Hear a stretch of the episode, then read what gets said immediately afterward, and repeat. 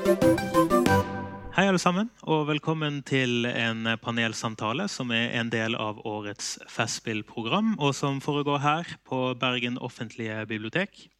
Jeg har fått i oppgave å lede denne samtalen, til tross for at vi har en ekstremt kompetent eh, Klassekampen-journalist som har ledet mange samtaler, bl.a. for Fritt Ord og ja, Gyldendal, og eh, kanskje en av de mest eh, bejublede og eh, kjente konferansierende og programlederne i panelet. Likevel er det altså jeg, Emilio Sanuesa, som skal lede denne samtalen. Jeg har fått beskjed av mine arbeidsgivere i Aftenposten om å huske å si oftere at jeg skriver for Aftenposten. Jeg skriver for Aftenposten. Men dere er bergensere, så dere visste jo ikke dette. Så sånn er det. Jeg skal eh, først fortelle litt om eh, hva, hva, denne samtalen forhåpentligvis skal handle om. Og så skal jeg introdusere våre to panelister her. Så Det som har stått i programmet til Festspillene, det er som følger. Etter at Amanda Gorman fremførte diktet 'The Hill We Climb' på presidentinnsettelsen av Joe Biden, gikk hele den litterære verden i spinn av begeistring. Men kan kunsten og poesien egentlig redde og forene USA? Hvilke TV-serier sier noe om USA i dag? Finnes det stemmer som har makt til å skape et fellesskap? Og hvordan har de fire siste årene preget populærkulturen? Det er jo noen eh, spørsmål som vi neppe kommer til å finne ut av i løpet av den neste timen. Veldig store spørsmål, men vi kan gjøre et eh, oppriktig forsøk på å ta disse spørsmålene seriøst, og også selvfølgelig ta det som da er hovedtematikken for årets Festspill seriøst, nemlig USA og dens plass i kulturen i dag, og kanskje spesifikt eh, den norske kulturen i dag. Så la meg først ta en rask introduksjon. Årets mediemann 2013, Thomas Seltzer. En av Norges mest respekterte programledere. Eh, men eh, kanskje enda mest relevant er jo at i fjor høst så kom en TV-serie, UXA, Thomas Seltzers Amerika på NRK, en seersuksess. Du er også kjent for eh, ti sesonger med det popkulturelle programmet Trygdekontoret, som har gått på TV i alle år, bortsett fra ett år hvor dere var på radio fordi NRK hadde ikke råd fordi de måtte arrangere Melodi Grand Prix-finalen. mener jeg å huske. Ja. Og du har også vunnet Gullruten to ganger her i Bergen. Og så har du Jeg må ta det med. Og så har du Johan Shanmugaratnam, du har da jobbet som journalist i Klassekampen siden 2004, håper jeg stemmer. Og du er utdannet samfunnsgeograf eh, fra Universitetet i Oslo. Eh, hans debutbok 'Vi puster fortsatt' den ble kåret til en av de ti beste bøkene i eh, fjor av mine kolleger i Aftenposten. I denne personlige boken, som handler om det moderne Norge, så går Johan inn på tema som rasisme, antirasisme, fortvilelse, håp og fellesskap. Så vi har forhåpentligvis en fin time å se fram til. La meg bare først nevne raskt at eh, jeg skal prøve å da lede denne samtalen. Og med disse store, åpne spørsmålene så kan egentlig denne samtalen gå i mange retninger. Eh, men hvis vi skal snakke om USA Altså, hva, hva er egentlig USA? Uh, ja, det er et stort lerret uh, å bleke, hvis det er lov å si. Um, ja, nei, er, Å snakke om Amerika er jo å snakke om mange ting. Det er jo uh, landet, og så er det alle de forestillingene, ikke minst. Og så er det spesielt i Norge et par andre, Det er få andre, vest, eh, få andre land i verden hvor folk har et, et såpass uh, sterkt bånd til Amerika. Kanskje Irland eller og Eh, alle har slektninger der. Har, mange har vært der mange ganger. Mange, altså det har vært veldig tette bånd mellom USA og Norge. Eh, dere vet jo at På lista så er det jo folk som snakker sånn halvamerikansk fordi de har vært i New York og jobba som snekkere i mange år. og sånt, ikke sant? Eh, så det er jo, Norge er jo et uh, lite stykke Amerika, men det er jo disse forestillingene om Amerika som er, uh, som er Amerika, som vi snakker om. Og, um, de har jo variert litt opp gjennom åra. Altså, første jeg hørte noen gang si når vi kom til Norge når jeg var seks, så kunne ikke jeg norsk. Og da bodde vi hos slekta vår på Løten, som er altså Årdalsbruk, som er et sånn industriområde ved Løten, innenlands.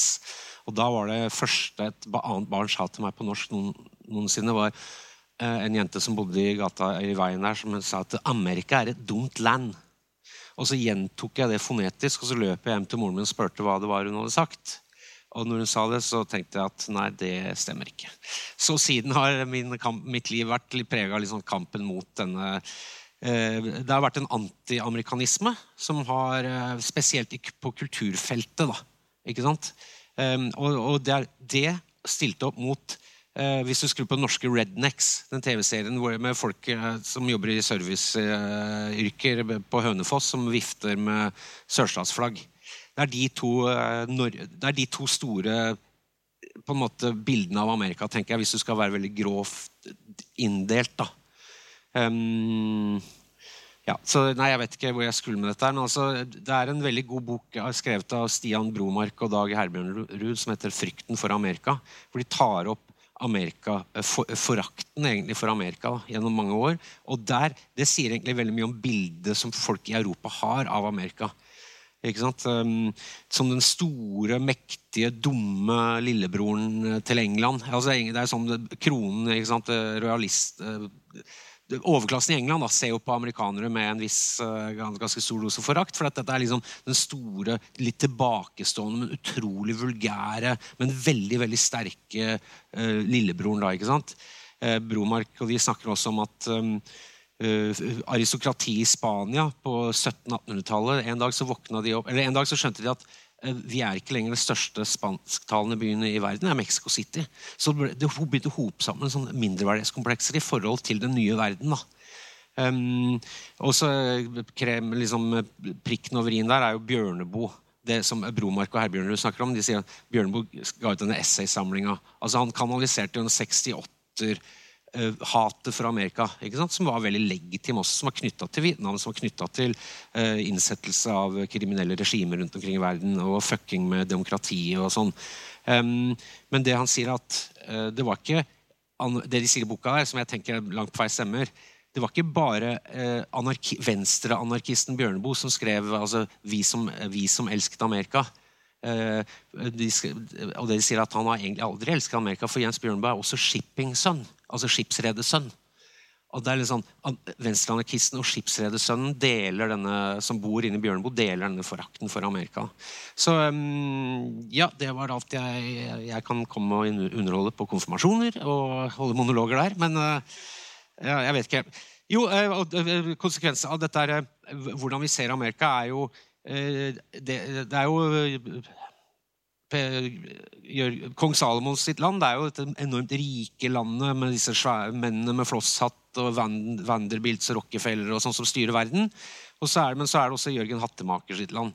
Det var et land med ganske mye mer egalitære verdier enn vi liker å tro, spesielt på venstresida i Norge. da. Um, og um, så er det der, Jeg tror de har, Bromarkom har veldig mye rett til at den, uh, den legitime forakten for Amerika som, uh, som jingoistisk stormakt, at den uh, ofte har vært blanda med litt sånn gammeldags agg. ikke sant? Altså Storbøndene i Norge som våkna opp en morgen og så raut, fordi at kyrne rauta ekstra mye fordi de ikke hadde blitt melka. Og så spør de hvor det har blitt av husmennene. Nei, de har dratt, de. Og det har skapt en sånn uh, agg så um, Det er mange forskjellige Amerikaer vi snakker om, og også da veldig avhengig av uh, ideologisk ståsted. Da. Johan, altså, du har jo en eh, ikke bakgrunn fra USA, slik Thomas har. Eh, du vokste opp på Ås. Eh, far fra Sri Lanka, mor fra Japan. Altså, hvilket forhold hadde du til USA, spesielt som liten og ungdom? Hva var USA for deg? Um, jeg kom til Norge samt, altså jeg var seks år da jeg kom til Norge. Uh, da fra Japan. Så, før det så bodde vi i Sri Lanka. For I min oppvekst så var uh, Coca-Cola imperialismens svarte piss. Altså Vi drakk det, men, men vi visste godt at, at uh, dette var noe dritt. Men det er litt det forholdet jeg har til Amerika. da, det er at storkonsument av amerikansk kultur og amerikanske nyheter. og sånt, Samtidig som vi hele tiden visste og ble oppdratt til å lære at USA var eh, en imperialistisk eh, supermakt. Og vi skulle aldri glemme det. Og det har jeg aldri glemt heller. Um, jeg tenkte Du spurte hva, om vi kan si noe om hva USA er. Men eh, jeg, jeg, tror ikke liksom, altså, Det er ikke sikkert vi er enige om det, men jeg tror heller ikke amerikanerne sjøl er enige om hva USA er. Mm. Det er kanskje det vi ser Ja. resultatet av nå. Ja. Og så tror jeg at det Trump også har gjort, er at vi har blitt litt kort, altså, har fått litt kortere hukommelse. Vi tenker liksom at fire år med Trump er det som forandra USA. Men, men, men før Trump så var det Obama, og før, altså, før det så var det Bush. Og Bush har på en måte bare blitt en sånn George Bush. Som i min oppvekst var liksom den store, slemme presidenten. da. Eh, han har jo nå blitt tatt inn i varmen som en sånn koselig bestefar på, på Ellen Show. liksom. Og ingen, ingen liksom konfronterer ham med Irak-krigen. Så jeg tenker at 9-11 i 2001, det er 20 år siden nå, forente USA. Irak-krigen i 2003 splitta USA. Finanskrisa i 2008 smadra USA i små biter. Og noe av konsekvensen av det er at vi fikk, eh, fikk Donald Trump og fire år med, med kaos som vi fortsatt ikke Grunnen til at vi sitter her, er vel egentlig Donald Trump. Vi sitter og prater om USA og amerikansk kultur. For han er på en måte symbolet på en antikulturperson som eh, kom inn og splitta USA. Men som kanskje allerede var splitta. At han er et symptom. ja. Helt enig. Har vi, altså det er interessant, har vi egentlig litt sånn dårlig korttidshukommelse når det gjelder USA? Jeg husker f.eks. at eh, da det ble åpenbart at Trump kom til å bli en politisk maktfaktor i USA, så sa mine foreldre at det kommer uansett aldri til å bli så ille som det var da Reagan kom til makten. Nei, det er jeg helt enig i. Det er jeg faktisk helt enig med de. Og Det er litt sånn vanskelig å se for seg når en ikke sjøl vokste opp på den tiden, at eh, det kan muligens ha vært like absurd den gang da at en filmkjendis som sto veldig langt ute på høyresiden, kom inn og rett og slett bare fikk nesten all politisk makt i verdens mektigste land. Men det var jo sånn da også. Mm. Nei, men altså uh, uh, må huske på at det Trump Man omtaler som langt ut på, på høyresida. Det er han jo det, er, altså, Veldig mange av de som likte i hvert fall som er gamle, som likte Reagan, de liker jo også Trump. Ikke sant? Selv om reaganismen er nesten det motsatte av trumpismen. Reagan, altså Jimmy Carter ville jo begynne å bygge mur på, på, etter anmodning fra amerikansk LO. Fordi at den sosiale, dump, altså sosial dumping begynte å bli et, et, problem også fordi at organisasjonsgraden begynte å gå ned. ikke sant? Så hvis du har et land med lav organisasjonsgrad og høy innvandring, så blir jo det automatisk ikke sant? Da tjener du, du som har bodd der i tre generasjoner, tjener like mye som han. Altså Du må klippe plenen og uh, ta drittjobber sånn som han. ikke sant? Sånn at, men så kom jo Reagan og sa nei, vi skal ikke bygge mur mellom venner. Og det han egentlig sa, var vi skal ha en slaveklasse som er brun. Uh, og den skal gjerne være illegal, og det er det vi ser resultatene av nå. ikke sant? Så det er jo 10,5 millioner illegale udokumenterte, men det er langt flere, tror jeg. Og det er meninga at de skal være der. Det er dobbeltspill fra republikanerne. Det er, det er at de skal være der. Vi var i kjøttpakkebyen Storm Lake i Iowa, hvor det bodde, eller jobba kanskje 2500 folk på, enorm, på, et enormt slakteri. Uh, og nesten ingen hvite. Vi satt der når det var vaktbytte. og 90, jeg tror 70% av de som bor i byen der, er udokumenterte. Vi spurte han redaktøren for lokalavisa der, som var en sånn venstre, gammel venstreradisme, en veldig sånn prærietype. Um, spurte han hva skjer hvis vi ringer ICE. Altså den, det fryktede på en måte i, uh, migrasjon, altså anti-innvandringsgestapo og sier, hvis vi ringer ICE, sier det er, det er, er 2000 illegale uh, aliens som, står, som, driver og skjærer bacon og pakker kjøtt der. Dere må komme og ta dem. Så spurte jeg hva ville skjedd da. Så sa han ingenting ville skjedd. Det er meninga at de skal være der. Ikke sant? Og så kan Trump komme inn og si hvor ble det av jobbene deres? De ble tatt av folk fra El Salvador og Honduras. Ikke sant? Um, men det, jo, det jeg skulle si var altså Reaganismen absolutt uh, brøt ned middelklassen. Trump er et resultat av fallert middelklasse. Det er jo klassisk disse stadige um, sammenligningene med, med sentraleuropeiske land på 30-tallet er ganske langt på vei gyldige, vil jeg si. For du hadde dolkestøtsteorien om at en, en, urban elite la oss kalle det det, med masse parenteser rundt i Tyskland ikke sant? Altså Jødene, disse intellektuelle, pengesterke folka i byene, hadde sørget for at Tyskland tapte første verdenskrig. Den kan overføres helt over til Vietnamkrigen. At vi tapte den krigen, som var et enormt traume, fordi man tapte plutselig en krig mot et forholdsvis lite land. ikke sant? Selv om selvsagt Sovjet og Kina var tungt involvert. Eh, og, og, var, og, vi har blitt svikta av eliten. Vi har blitt svikta av denne intellektuelle eliten. Det er liksom hippiene som har lest Marcuse og Marx. Og, De har ødelagt Amerika. Og den kulturkrigen ligger der fremdeles. Det er Den som Den har bare blitt sterkere og sterkere. ikke Um, sånn at uh, jeg tror Reaganismen, altså deregulering av banker, førte til Eller Bill Clinton gjorde jo sto for meste av uh, Han fullførte Reagans drømmer. NAFTA, altså frihandel, som ødela store deler av USA på veldig kort tid fordi jobbene forsvant.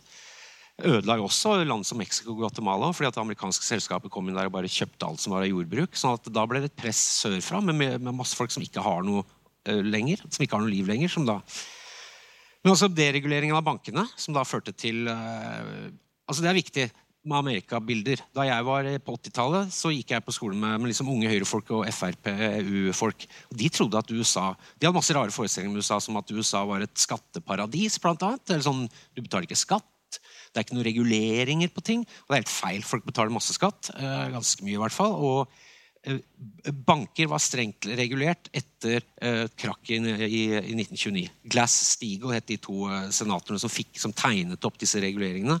Og De ble fjernet av Bill Clinton i 1999. Så det at han fjerna, fikk en NAFTA i 19, uh, 1995, fjerna Glass-Steagall i 1999, som førte til finanskrisen altså at det lønte seg for banker å spekulere med sparepenger til folk. Det lønte seg, og invest, Banker investerte i negativ, altså i råtne lån, lån, bl.a. Alt dette var jo veldig regulert. Det ble tatt bort. fordi det skal ikke være murer mellom venner og naboer. Altså, det er reaganismens ånd. ikke sant? Og da, som du sier, Irak-krigen 11. Eh, september kom inn. Folk ville ha hevn. Eh, og så sa Bush, eh, Bush og Cheney vi skal få hevn. Og så sier folk å, skal vi, skal vi bombe Noen smarte folk sa kanskje skal vi bombe Saudi-Arabia? Hvor disse folka kom fra? Mm, nesten. Hvis du myser på å se på kartet vi skal, vi skal, bombe et av tre sekulært styrte land i Midtøsten for å, for å ta hevn for islamisme. ikke sant? Så kom det Weapons of Mass Destruction. Dette var det siste store felles amerikanske løftet. var Irak-krigen. Nesten ingen uh, politikere stemte imot. Uh, og hele dette media, som allerede var veldig splitta på den tida, polarisert, samlet seg om dette. CNN var med på dette, Fox var med på dette. her. Dette må vi gjøre. Vi må få tatt han jævelen der. ikke sant? Og Så gikk det en stund, og så viste det seg at det var bøff. Det var konspirasjonsteori. Weapons of mass destruction. Derfor kan Trump komme med oransje hud og rart hår etterpå og si hver gang han får kritikk, så kan han si det er fake news. Og høyst oppegående amerikanere sier at ja, vi har fått det før, vi. Det har vært masse fake news. Ja, altså Li eh, Libya, som fikk skylden for Lockerbie-bombingen, og eh, hvordan Gaddafi ble til den store skurken, selv om det var åpenbart at det kom fra Syria, mente de aller fleste. altså denne terroraksjonen. Oh, ja, det visste jeg ikke klar over. Men, men uh, da at uh, Reagan annet uh, fikk det til å dreie seg om noe helt annet. men jeg føler at vi kanskje har havnet litt sånn utenfor kultursporet som vi skulle jo, være på. Jo, i det jeg skal dosere mer. Altså Når menn fyller 50 år vi kan, Faen, man kan bare snakke hele tida. Jeg kan mansplaine og Jo, men den splittelsen ser vi altså den, uh, USA er det er, ikke, det er en klisjé, men det er veldig sant. USA er helt fullstendig splitta. Uh, og det er dessverre fordi at kulturkrigere og la oss uh, si langt på vei kanskje identitetspolitikk Det er jo kulturkrig fra venstresida, kan vi si. Eller fra det man tenker er progressivt. Jeg har jo en sånn paranoid greie om at veldig mye wokeness og kultur Eh, identitetspolitikk er innsatt av bl.a. CIA. Men det er jo uh, for å har dere sett, Det er en rekrutteringsfilm for CIA som ligger på YouTube nå. Hvor det er en latinakvinne som jobber i CIA og snakker om hvor stolt hun er av å jobbe for landet sitt. Uh, og snakker om at hun er cis, uh, altså hun bruker masse woke-begreper. Hun er transactional. Altså det er helt sånn og der har jeg litt sånn venstreside-podkast jeg hører på USA. Der er også noen som sier at dette er faen meg CIA som fucker med De tar det venstresidas språk og bare ødelegger det. Men, ehm, jo, men den splittelsen eh, For å ta noe som, noe som virkelig har splitta USA, det er um, Vietnamkrigen. Det var begynte i 63 eller noe sånt. 64, 63. Eh, og varte til 75. Tolv år med krig. Hvor det var 60 000 amerikanere som ble drept. Og sikkert i hvert fall halvannen million vietnamesere. Um, i, og Hollywood kom inn. Det progressive Hollywood kom inn og lagde masse filmer om Vietnam etterpå for å bearbeide de traumene. ikke sant? Og hvor, hvor det var mye også oppgjør med den amerikanske jingoismen. sånn som Bestefaren min, som var offiser i amerikansk marine, var veldig imot Vietnamkrigen. Hvorfor skal vi hjelpe franske kolonimakter? ikke sant? Uh, mens, mens altså i samme tidsrommet, eh, de samme tolv årene, da, så ble det drept flere enn 60 000 amerikanere i amerikanske fabrikker i arbeidsulykker. Og da var det en fyr som polemisk sa en gang Hvor er filmene om dem? Og Trump er svaret på det. Hvor er filmene om oss? Hvor er filmene om det glemte folk, som han kalte det? Eh, aviser fram til ca. 1980 eller første halvdel av 80-tallet hadde ofte en egen seksjon om faglig kamp. Altså for at uh, Fagbevegelse var en veldig sentral del av livet, i hvert fall i nordøst, altså i, i industribeltet. Så det, det, Folk satt og leste aviser om morgenen, vanlige dagsaviser. og Da kunne det stå om tarifforhandlinger, det kunne stå om streiker. Alt det ble fada ut. Ikke sant?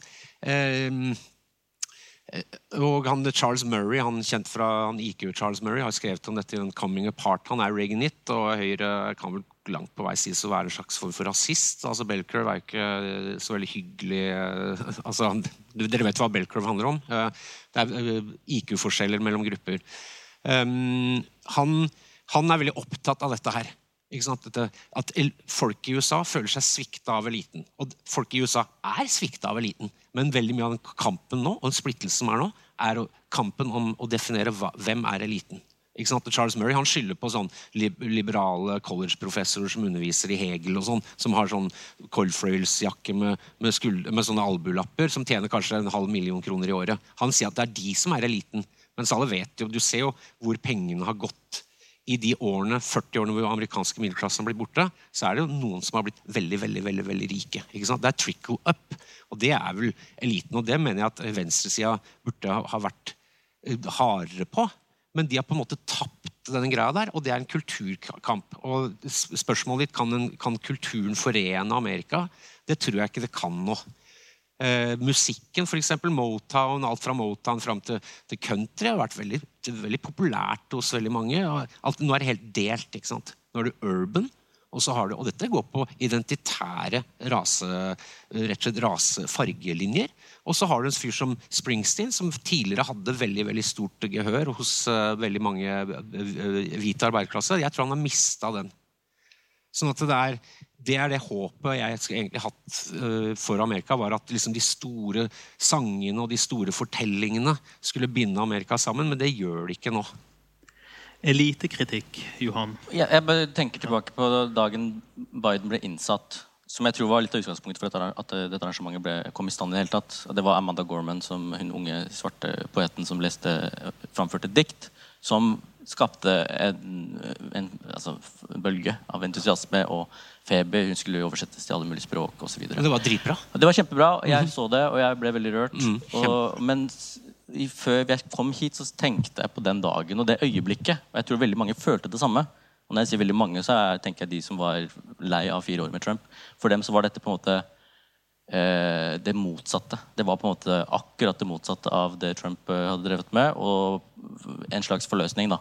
Uh, det var sånn herre Yes, endelig, liksom. Eh, og, så, og, det er veldig bra.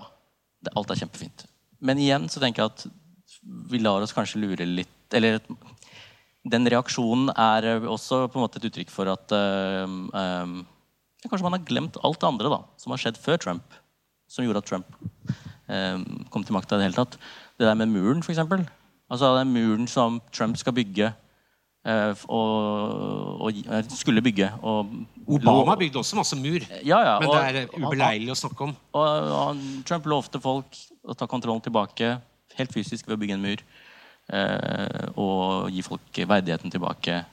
Uh, uten å prøve å gjøre noe som helst med de andre usynlige murene som fantes og finnes i USA. Da, på arbeidsmarkedet, og på boligmarkedet, og på utdanningssektoren, i kulturlivet. Alle de murene som fortsatt fins. Eh, og så kom Amanda Gorman og på en måte prøvde å lage en sånn inkluderende eh, øyeblikk, som hun også klarte.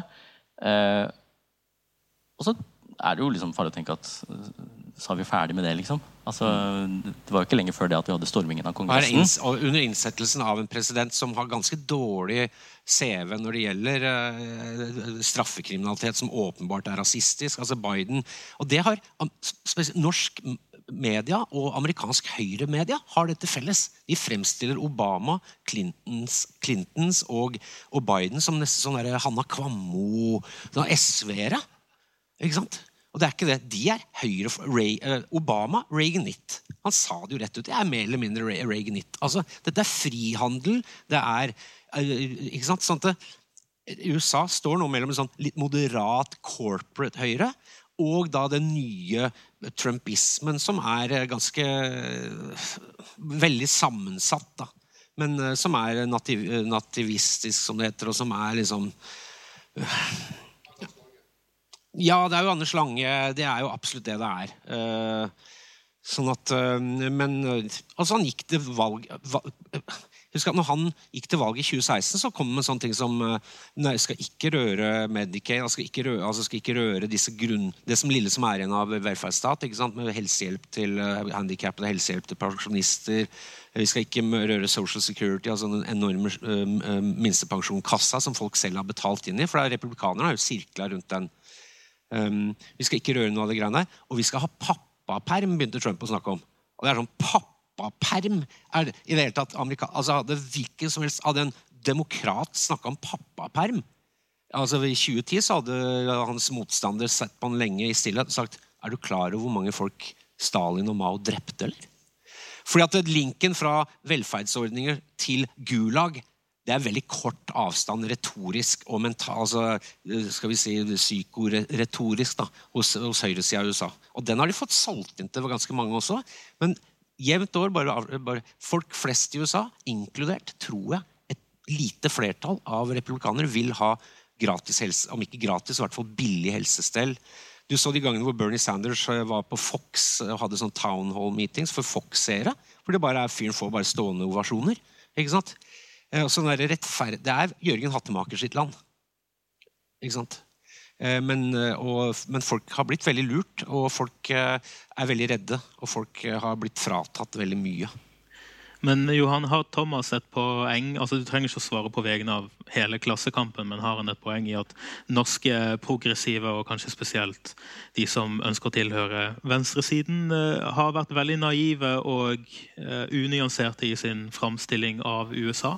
Jeg tror vi i eh, Klassekampen er et unntak. Kanskje et unntak der, ja. vi, vi har hata på Biden helt lenge, for lenge siden, helt fram til han ble valgt. Og nå er vi litt sånn situasjon at uh, vi har uh, rakka så mye ned på han at når han først gjør noe bra, så føler jeg at vi må liksom korrigere oss selv litt. For han gjør faktisk mye bra nå. da. Ja, altså, det, det, Noe av forslaget kom nå, er ganske nesten litt revolusjonært. Altså, ja. jo, uh... men, men, men, Thomas nevnte Bruce Springsteen. altså når vi tenker på kultur og sånn igjen, altså Bruce Springsteen var en sånn artist, men jeg tenkte på noen, er det noen andre artister i USA som kan virke samlende etter Trump? Og da tenkte, jeg hørte jeg litt igjen på den podkasten som heter Dolly Partons America. Ja, eh, igjen, og der er det liksom Dolly Parton, mm. Utgangspunktet der var at Dolly Parton hadde en konsert jeg tror det var under valgkampen i 2016.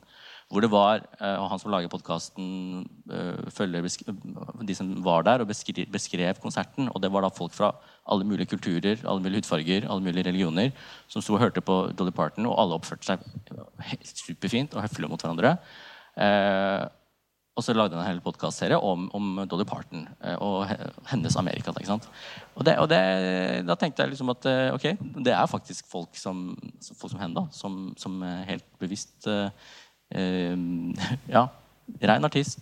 Driver med musikk, det er hennes greie, men hun jobber for å uh, ikke så mer splittelse enn nødvendig. Så jeg tenker I tillegg til James Baldwin så er det Dolly Parton som kanskje kan være med på å forene USA.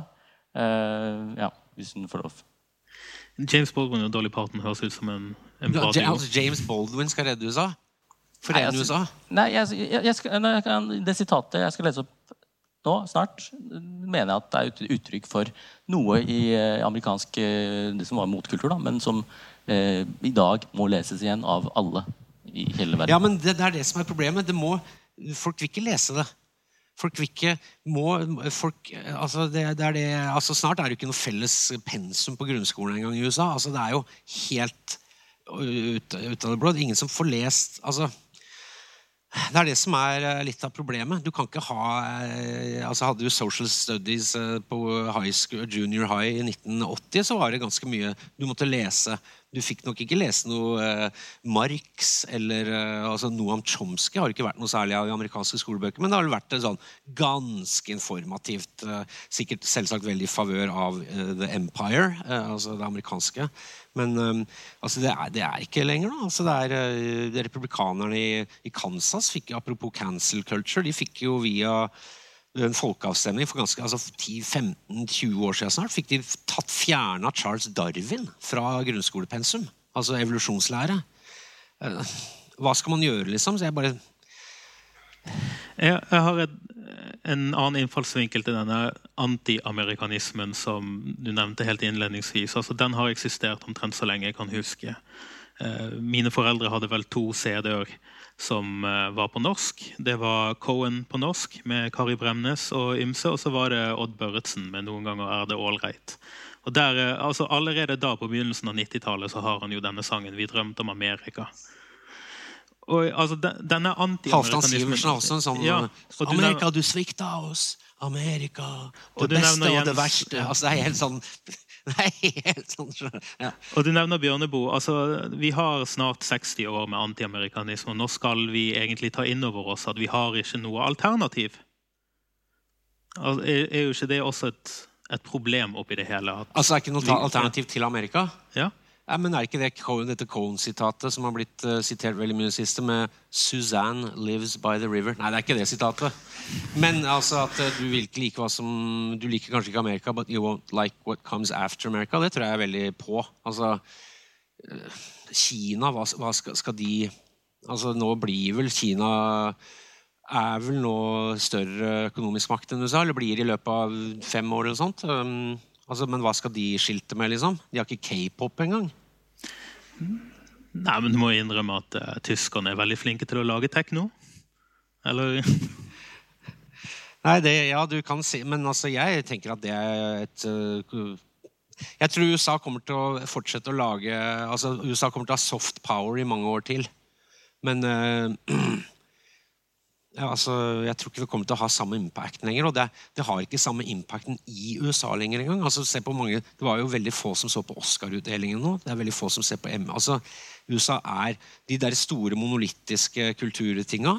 Eh, som jo, dette er ikke bare med agg og hat, og sånn gjøre, men altså den monolittiske kulturen har jo forsvunnet med internett. Og, men liksom de store altså En film som Shane, altså de store westernfilmene hvor det alltid var liksom rettferdighets... eh, Den lille mannens, sauebondens kamp mot den store, mot jernbanen og alt dette der. De, de historiene blir ikke fortalt lenger, for de fins ikke Dette er fader, ass. Men, men USA har aldri vært det landet vi har innbilt oss at det har vært. Og Under stormingen av Kongressen så husker jeg at jeg, jeg så på det live. og så fikk jeg litt nok, og så gikk jeg tilbake til en gammel serie som jeg så for andre gang. Og det var Mad Men, eh, om reklamefolk i USA på 60-tallet. Og, og jeg syns det er underholdende, liksom, så jeg så på det.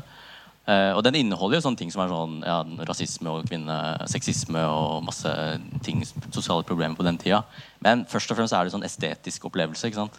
Så jeg så ser rundt meg i stua med sånn en 40, mann 40 pluss i middelklassen i, i skrivende jobb med så mye teak og har sånn arva en sånn estetikk rett fra Mad Men. Altså i mitt eget liv. Eh, så slo det meg liksom at eh, ja, det er det vi tror USA har vært. Eller liksom at det er, det er et eller annet kult som jeg også vil ha. Men det, så så jeg switcha tilbake på storminga av Kongressen og det som skjedde der. sånn, og Det var jo ikke Mad Men, det var Mad Max. Det var liksom apokalyptisk eh, helvete som pågikk akkurat nå, live i verdens, altså supermaktas hjerte. Eh, og jeg er ikke like pessimistisk som Thomas. som at det liksom, altså Hvis amerikansk kulturimperialisme går i dass, at, det, og at vi blir kolonisert av kinesiske eh, kultur altså, ja, altså, det, er, det er en veldig, Ja, det det er veldig for, sånn pessimistisk eh, på vegne av norsk kultur. Altså, Hvorfor skal, Ja, hvorfor nei, skal norsk, vi nå ha går det så bra med norsk film, har jeg fått høre hele mitt liv. Og så kommer svensken inn med fire nyanser av brunt liksom, som bare blåser alt. Altså, der er jeg veldig, der er jeg veldig høyrevridd. Altså, jeg er lei HS, altså hvit skattebetaler. Det er liksom, det er som bor inni meg. HS 51 er veldig lei av at penga blir sugd ut av lomma her og inn i sånne norske drittfilmer. Så kulturpolitisk så er jeg faktisk eh, høyre på høyre sida. Eller de er, givel skal vel gi penger til dem, de også. Nei da. Da er jeg litt sånn Anders Lange. Da er det fram med eggeløkør og sabel. og Jeg skal drepe alle som jobber med norsk film. For å frigjøre de midlene. Jeg glemte å si forresten at dette blir tatt opp og eh, lagt ut uh, senere. The, uh, stream it, baby. Stream it. Stream it from the mountain. Men, men, altså, men helt alvorlig, altså, hvorfor er det så vanskelig for oss å se for oss at vi har en periode på 30 år hvor Kina er den kulturelle stormakten? At det egentlig er litt sånn fett? Ja, At de lager kule filmer og fete låter og kule jeans. Nå snakker vi om Amerika. Nei, nå snakker vi om Kina i en sånn hypotetisk fremtid. Det, altså, det, Det- men det virker jo skal, helt skal bare snakke umulig. litt alvorlig om det. Altså det som jo er, altså Kina er jo Det er jo ikke noe som Trump har funnet på at Kina stjeler eh, mye altså intellectual property og alt dette der. altså De driver jo men, Og da tenker jeg altså USA som in, innovasjonssupermakten, som du har vært, på godt og godt eller altså Hvis du tar bort napalm og sånne kjipe ting. Men altså hvis du ser på landet som skapte den moderne filmindustrien, som skapte moderne popmusikken, som skapte Som var også høykulturelt, altså som har f- avla ganske mange nobelprisvinnere i litteratur. Um, altså, og, og medisin. Og altså, USA som sånn uh, hjernestormakt. Som, som produsent av symboler, det jeg kalte soft power i stad. Um, den, den, tror jeg også er litt trua nå. fordi at det sosiale den har blitt drevet av eh, sosial mobilisering. Eller nei, nei, unnskyld, sosial mobilitet. Det at en, en, man kunne komme dit fra Syria og bosette seg i, i Detroit. Og, og, så kunne barna dine bli, eh, bli eh, Dick Dale, han som oppfant surfgitar. Kjenner du til den? Altså, dun, dun, dun, han heter jo ikke Dick Dale, han heter jo et eller annet eh, arabisk, for han er fra Syria. Um, altså den, der, den tilstrømninga av fete folk da, fra hele verden, hardtarbeidende folk, er jo det som skapte innovasjon, som skapte, som gjorde USA til intellektuell, selv om folk ikke liker kanskje at, at ordet intellektuell og USA nevnes. Altså, men altså, skal vi si brain superpower. Da. Og den tror jeg, Det der er på vei vekk nå. Jeg tror USA er såpass, eh, Sosial mobiliteten er så størkna nå at eliteskolene, som burde ha vært eh, stappfulle av eh, innvandrere, supersmarte innvandrerbarn det, er ganske mange sånn Det er fjerde generasjons penger, liksom, som tar de plassene. Jeg vet ikke om det er sånn på MIT og Cal, Caltech og sånn, men altså um, altså Samuel, Samuel Huntington, som jo ikke var noen, akkurat noen eh, Hanna Kvammo, historiker, han døde midten av 2000-tallet. og Han sa like før han døde, at USA er i ferd med å bli veldig vel, Altfor likt Tudor-England. Ikke sant? Altså med aristokratiet. Da, som, altså USA er i ferd med å bli det landet som amerikanere, de amerikanerne flykta fra for å, for å dra til Amerika. Altså, um, USA er i ferd med å bli denne adelen, størkna adelen. Vi ser, altså, jeg har ikke lest San Piketty, men jeg vet det er mye snakk om dette med penger som bare blir liksom eh, arva og forvalta Altså det der med eh, altså, ja. Det jeg prøver å si, altså den derre eh, sosiale mobiliteten er så lav i forhold til hva den burde ha vært. Det vi om i USA, altså var du født på 40-tallet i USA, sånn som faren min, så eh, 90% av dem fikk det bedre økonomisk enn foreldrene sine. Men ca. 1980 så har det skjedd noe. Folk som er født 19, altså på 80- og 90-tallet, i hvert fall halvparten av de kommer til å få det verre enn foreldrene sine. Sånn det, det er det jeg frykter for i USA. altså der, eh, eh, som magnet for liksom uh, fete folk fra hele verden, ikk- eh, istedenfor bare de fe, feite folka som bor der.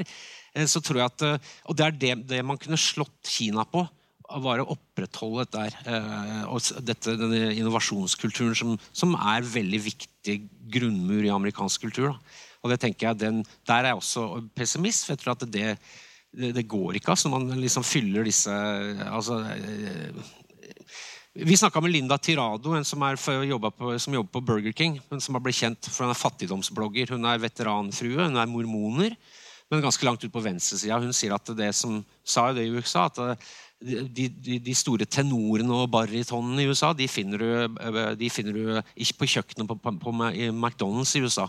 Du finner ikke dem nødvendigvis på Metropolitan Opera. Altså, det der, dørene opp Altså det at en, Et eh, operageni som kanskje ikke er klar over det selv, står og flipper hamburgere istedenfor å synge på operaen, Det er, USAs, det er den veien USA går nå, og det er jævlig skadelig. Takk for meg. Jo, Johan, Og ikke noe sånn, Hvis du skal kommentere, så må du be om uh, ordet. Johan, eh, altså en ting som eh, kanskje spesielt eh, når vi begynner å snakke om, om tema som identitetspolitikk og, eh, og kulturkrig, så blir vi jo ofte advart mot å importere tankegods fra USA. Altså, Hvor rettferdig er det som advarsel, og hvor sannferdig er det som advarsel? Jeg tror det er eh, fint å ha i bakhodet eh, at eh, man ikke skal importere begreper, vanskelige begreper som, fra USA, som egentlig kanskje ikke gir så mye mening i, i Norge. Og jeg mener at mye av den advarselen er retta mot folk på venstresida. At venstresida skal importere ting fra politisk korrekte. Du bruker begge som woke. uten engang, altså, Folk flest i Norge vet ikke hva woke betyr, men Frp har da vedtatt i landsmøtet at de skal være et anti-woke-parti. Fordi det har de importert fra noen ytre høyre-folk ut i verden. Så jeg mener at den advarselen bør gå like mye til folk på høyresida. De importerer ting fra amerikansk eh, kulturkrig. Prøver å innføre det i Norge. Gjør det hver Helt dag. Resett gjør det. eh, HRS gjør det. Sylvi Listhaug gjør det. Espen Teigen gjør det. Eh, og det er, jeg mener at det er mye viktigere å, å sette fingeren på enn å pirke på noen unge antirasistiske aktivister som bruker litt vanskelige og, og, og ja, kompliserte ord i, i debatter. eller eh, noen sånne ting. Så jeg, jeg mener at vi må, ha, altså, vi må ha ting i perspektiv her. Det er de, det er høyresida som har makta. Det er de som er på offensiven. Det er de som vil definere eh, debatten på viktige tema som rasisme og, og feminisme og transpersoners rettigheter. Og dette her handler jo ikke om sære altså ikke, Når man sier identitetspolitikk, som jeg egentlig ikke er så begeistra for, så høres det ut som sånne luksusting som noen studenter i USA har funnet opp fordi at de føler seg litt sånn krenka innimellom. Men det handler ikke om det. Altså Hvis vi snakker om rasisme og feminisme, transpersoners rettigheter, så handler om, så handler det om menneskeverd. Altså Rasisme er devaluering av menneskeverdet til noen mennesker. Og Det er jo det perspektivet vi må snakke om det, istedenfor å henge oss opp i de her eh, kulturkrigdebattene som, som ja, blir importert, men fordi noen vil det. Ja, altså jeg, jeg mener, eh, som jeg har sagt, eh, at jeg ser for meg at wokeness kanskje er et CIA-produkt. Altså, jeg mener at det er en Det er to måter, det er to kritikker av eh, la, oss kalle det PK, eller altså bare som folk skjønner hva det er. Politisk korrekt. Ja, Nå driver du og bruker kodespråk igjen. Du må, du må Ja, ikke sant, politisk korrekt. Eh, altså, men det er helt riktig. altså største, største, eh, største, største identitetspolitikeren i USA er Donald Trump. Identitetspolitikk ble jo funnet opp etter at plantasjeeierne fant ut at de skulle gi forskjellige forhold til svarte, svarte slaver og hvite leilendinger. Ikke sant? Sånn at da var jo i gang. Sånn at eh, Sånn det, jeg er helt enig med at det, det er veldig sånn uh, rush fra høyresida. skulle si, ja, ja, Vi vil bare ha et Amerika som er for alle, vi. Mens dere vil dele opp folk. Og, og det er piss. Altså, når, når, når altså, norske republikanere eh, eh, altså, når, når det kommer Reagan-T-skjorte og Margaret Thatcher-cap og begynner å kritisere wokeness altså, når De to folka de mente jo at da henholdsvis eh, Martin Luther King og Nelson Mandela var terrorister. Vet du hva? Jeg er ikke så jævla interessert i å vite hva du mener om awokeness med, de, med den skjorta der og den capsen der. Så bare dra til helvete. Det, jeg vet hva du snakker om. Du liker ikke Du syns at det er for mye mas fra fargede amerikanere. Du er dritlei det gnålet. Du vil at USA skal være drevet av typ sånn Mad Men og Litt sånn som for øvrig Joda Breivik eh, refererer vel til Mad Men i manifestet sitt. Det er et sånt idealsamfunn, da. Ikke for å Breivik-skvette alle under én kam her, men det er, altså, det er den derre eh, wokeness jeg er så mot identitetspolitikk. Jeg har sagt det mange ganger til, i diskusjoner med folk på høyresida i sosiale medier. Ja, men Donald Trump er identitetspolitikk. Politiker, han. Nei. Ja, hvorfor er han ikke det? «Øh, men Det er bare sånn øh, svarte lesber, det. Altså det. De skjønner ikke. Altså USA, eh, Amerikansk politikk nå er jo, er, har alltid vært identitært. ikke sant? Ehm, og, og det, er, det er den da, Til dem vil jeg bare si Å ja, du, og du, du liker Thatcher og Vent, jeg må bare ta en telefon, for de ringer fra uh, sionistokkupantene som styrer Norge. Og, for nå har jeg sagt for mye. Ja.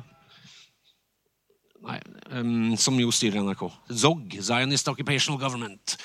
Ehm, nei, altså at men, det liker, det ikke, det, men det jeg ikke liker med det, er um, uh, Det er en som heter Mark Lilla, som er gammel uh, demokrat fra Detroit-området. Han har skrevet veldig, sånn, veldig kritikk mot identitetspolitikk på venstresida. Han sier at uh, han bruker eksempel at hvis du går inn på hvis du går inn på republikanernes hjemmeside, så er det sånn uh, America first, Amerika ditt, Amerika datt, Amerika ditt. ikke sant? Og det er som, som da folk kanskje tenker ja, det, sånn skal det være. Vi er i Amerika, vi er amerikanere, Amerika er vårt land, det er vårt prosjekt.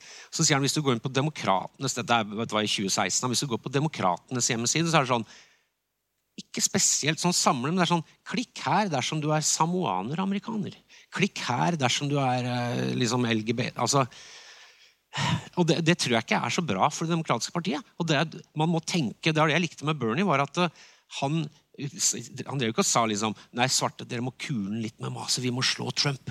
Det var ikke det Han med. Han var veldig aktiv, han var veldig uttalt. Snakka om strukturell, han snakka om, um, om politishootings. ikke sant? Men han, i bånn så lå det jo uh, erkjennelsen, som er veldig viktig, at det er økonomiske forskjellene som binder folk sammen i USA, på godt og vondt. Og det er de man må snakke om. Og det, derfor, og det vet republikanerne. Derfor de er så jævlig opptatt av å snakke om transedasser hele tida. Eh, og det er jo litt interessant poeng. altså det var noen som fant ut at det er flere republikanske politikere, eh, skap-homoseksuelle, som har blitt arrestert for å ha sex på offentlige toaletter enn transpersoner. Så det, der har på en måte eh, Ikke sant? Sånn at derfor, der mener jeg at jeg er helt enig med Mark Lilla. Jeg vil at progressive venstresida i USA skal ha makt. Jeg vil at USA skal være et tilnærmet sosialdemokrati. Og det går ikke når um, Og det vi verst vi ser nå med wokeness, er liksom sjefen for Bank of America kneler, som vi viste i USA, og, og er liksom George Floyd-venn. Og det er sånn uh, Er dette kødd? Drømmer jeg? Ikke sant? Altså folk, De som tok, som tok 11 millioner hjem fra Amerika, som ødela middelklassen i 2007, 2008, 2009, og tok 11 millioner hjem altså mange, Det er 40 millioner amerikanere som ble satt opp på gata. De er sånn yeah, Svartes rettigheter. Da tenker jeg dette er faen meg fuckings, dette er en konspirasjon. dette her. Men Johan, altså, er det så enkelt som at venstresiden har et branding-problem? Eller er det Blant annet. ja. Det kan godt hende. Jeg kom på en helt konkret historie som oppsummerer mye av den der, uh, hvor innsausa USA, samtida USA er i historien. da. Uh, som er at uh, det var nylig et forsøk blant Amazon sine ansatte i Alabama. Et, et lager i Alabama hvor de prøvde å fagorganisere seg. Eh, og da klarte de til slutt å ha en avstemning blant de ansatte, og de tapte den avstemninga etter en massiv kampanje fra ledelsen i Amazon. de fleste av de ansatte er svarte. da. Eh, eh, Amazon, som er på en måte symbolet på den moderne altså IT-æraens altså ja, suksess. da, ikke sant? Eh, masse liberale folk som elsker Amazon, og som jobber der osv. Eh, de er for alle mulige slags rettigheter osv. Men de vil ikke ha fagorganisering på mm. arbeidsplassen. ikke sant? Og noe av det de eh, arbeidsgiverne brukte i Alabama eh, mot dette forsøket på å fagorganisere de ansatte, er en, en, lov som heter merkelig nok 'Right to Work', men som stammer fra sørstatene eh, delvis. Hvor eh, det ble innført en, lov for at eh, hvite arbeidere skulle slippe å betale fagforeningskontingent eh, og være organisert i samme fagorganisasjon som svarte arbeidere. Så det ble ja, sånn der, det, det, skulle, det, right to work er jo ikke det, det vært, som stammer det, ja, det, altså, har sikkert vært mye sånn lovgivning i Sørlandet. I Sørlandet så har det deler brukt sånn fordi at eh, det skulle være frivillig. og Du kan være med i fagforening, eller du kan bruke tjenestene, men du må ikke betale kontingent. Det er frivillig. Og noe av det brukte de i, i Alabama. Ja, altså det, er jo, det, er, det, er, en veldig effektiv måte å knuse kollektivforhandlinger på. ved at uh, Jobber du på en fabrikk er, hvor de fagfor, uh, fagorganiserte har fått gjennom en, en, tariffavtale, så trenger ikke du å være medlem av det forbundet for å få den samme lønna. Så det er jo et helt soleklar uh, union busting, som det heter. og det er, ikke, altså det, det, er right to work. Og dette er, det er jo det de er flinke på. han...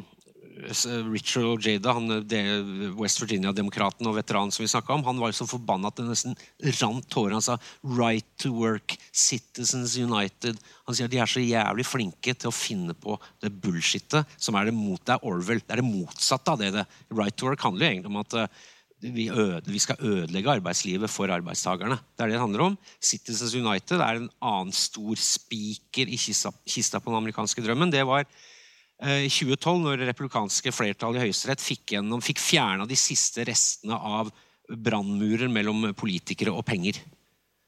Sånn at lobbyistene rett og slett, ga rett og slett lobbyistene makt, på, på basis med, med, med, med begrunnelsen 'corporations are people too'.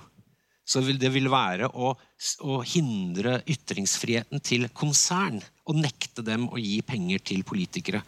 Eh, sånn at det er right work, men hvert fall altså at det har vært aktive lovgivning i sørstatene for å splitte Eh, for å herpe eh, fag, eh, altså for å herpe union, altså fagorganisering, som har gått på farge color lines, det tviler jeg ikke på. Men jeg ville bare rette litt på det. Jeg ville bare mansplaine det. Men det verste er at det er mulig du kanskje har rett òg. Men jeg har egentlig det. Men uh, et, siden temaet tross alt fortsatt er kultur og, og, og kunst og sånn Men uh, vi har snakka litt, litt om det. Vi har litt, litt om det. Uh, og nå kommer jeg til å undergrave dette innsalget mitt, for jeg kommer til å fortsatt snakke om fagorganisering. Men, men, men, vi snakker om at, hva som kan forene USA.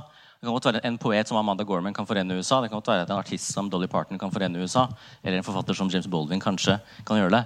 Men, uh, men skjer, det er jo materiell, et materielt fundament, et samfunn som har gått i oppløsning i mange tiår. Og det er altså Organiseringsgraden i USA i privat sektor er 6,3% det, er, det er jo helt absurd.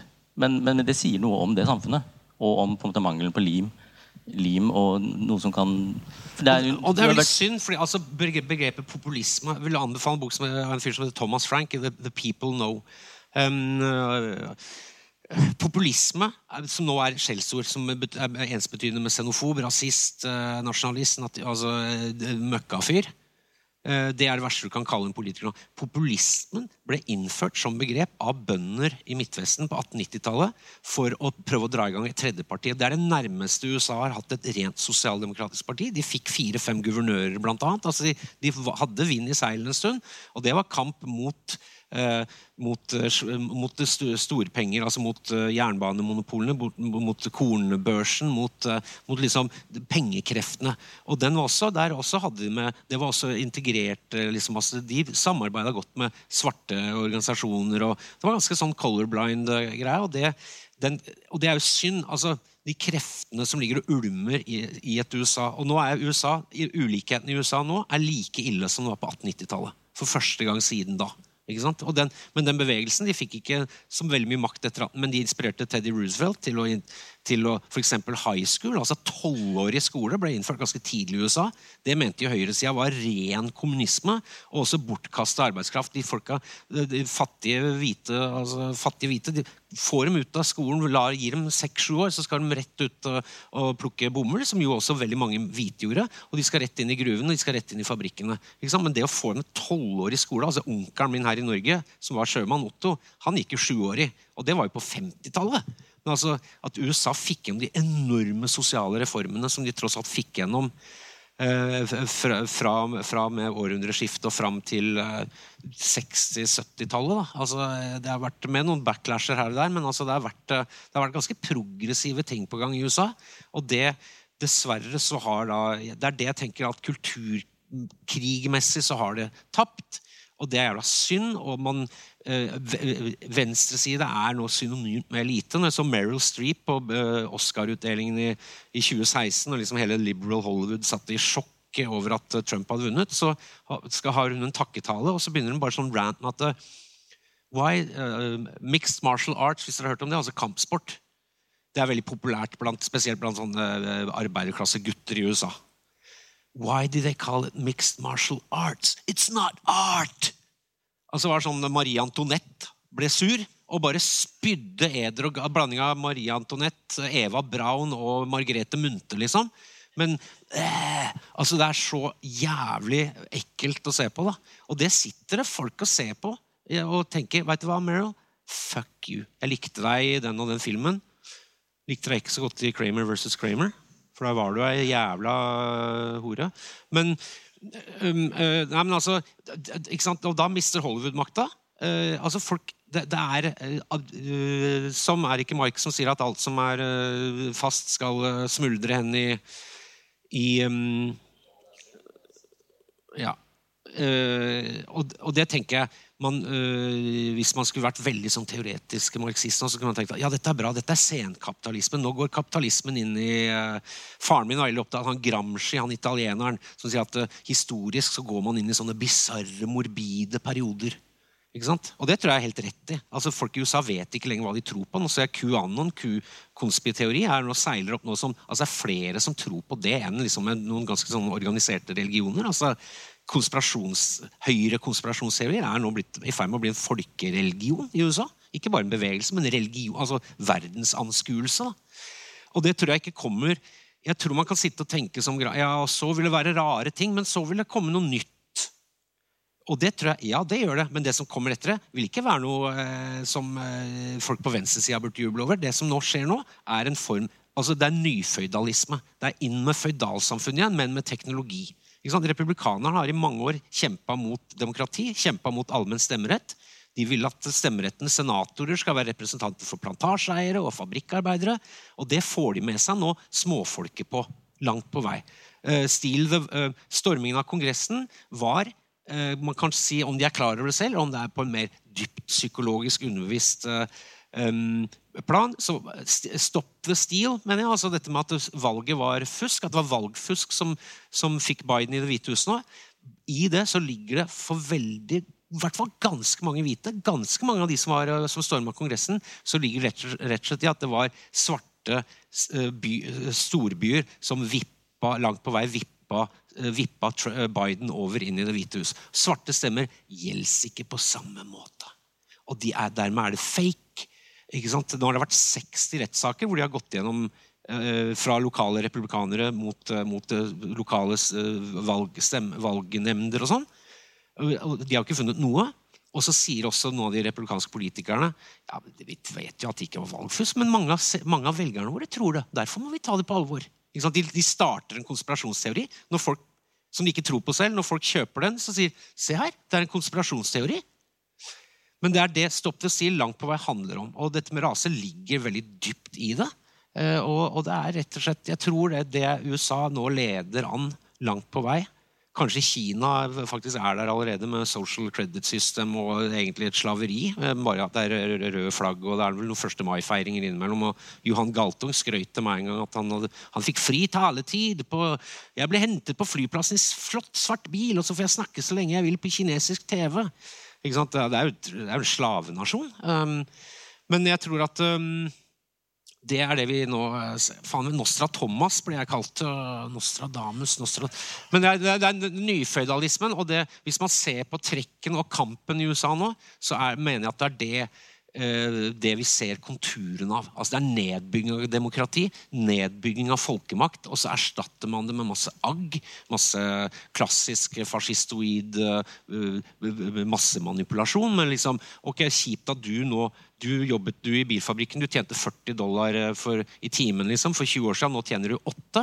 Jævla kjipt, men fordi, se der, der kommer det noen over gjerdet fra fuckings Guatemala. Se på de jævlerne der! Altså, det, er den, det, er der, det, er der, det ligger an, og det, det, der kommer til å føre USA inn i den nyføydalismen. Takk. Jo, Johan, eh, tilbake til eh, skandinavisk kulturfellesskap. Altså, nå har vi vært innom, og da spesielt Thomas, har vært innom eh, altså poststrukturalisme, fagforeningsknusing, deregulering av bankene, reaganisme, Gramsci, you name it. Jeg har et litt, litt, spesielt spørsmål. Hva er det som får skandinaviske kulturorganisasjoner som f.eks. Festspillene eller Moderna eller Luciana i, i, Danmark eller eh, Litteraturhuset i Oslo til å tro at de kan sette sammen paneler og få liksom, alle til å tro at dette kan vi finne ut av noe så komplekst som USA og den politiske tilstanden i dag? Hvorfor går vi rundt og tror at det er noe vi klarer å finne ut av? Det må du nesten spørre arrangøren om, da, egentlig. Men uh, eh, hvis jeg skal være helt ærlig, og det er litt frekt, fordi jeg har jo blitt invitert hit for å snakke om dette temaet, som noen har arrangert, så tror jeg egentlig at det bekrefter litt mitt tidligere poeng om det der Amanda Gorman-øyeblikket. At noe føltes som en forløsning. Eh, og at vi ser oss litt blind på da, at eh, I hvert fall kanskje vi som har, har noe med kultursektoren å gjøre, eller er i den, eller forholder oss veldig aktivt til den, at vi ser verden og kanskje USA også gjennom de brillene. da. Eh, og at eh, vi, vi har kanskje litt overdreven tro på Jeg har veldig tro på kunst og kultur. Jeg er veldig opptatt av det. Men, men jeg har også veldig bevisst forhold til at det også er noe annet enn uh, mye av realiteten som, uh, som, som faller utenfor hva, hva kunsten og kulturen kan ta. F.eks. det der med 6,3% fagorganiseringsgrad i privat sektor i USA. Det gjør noe med samfunnet. Og det, er, og, og, det, er, kunst og kultur som kan være med på å bevisstgjøre rundt de realitetene der. Og kanskje bidra til å samle USA eh, på sin måte. Men vi må også erkjenne begrensningene.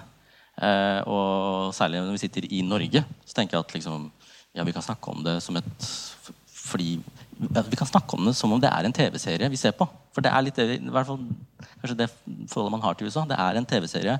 Det skjer ganske mye dramatisk der hele tiden. Det går skikkelig dårlig. Og så nå går det, bra, nå går det bedre igjen. Hvordan, hvordan, blir neste sesong? Hvordan blir neste sesong? Vi binga USA i fire år. Ja, men det er litt sånn. Mm. Enten på Twitter eller på Netflix eller HBO eller eh, og, ja. Et, et, siste poeng som jeg ville ta opp før vi kan uh, avslutte med det James Baldwin-sitatet. Altså, uh, forrige samtale jeg var med på her i, på biblioteket i Bergen, var med samfunnsgeograf og forfatter Anne Bitz. Og hun snakket om det hun kalte for privatiseringen av samfunnsansvar.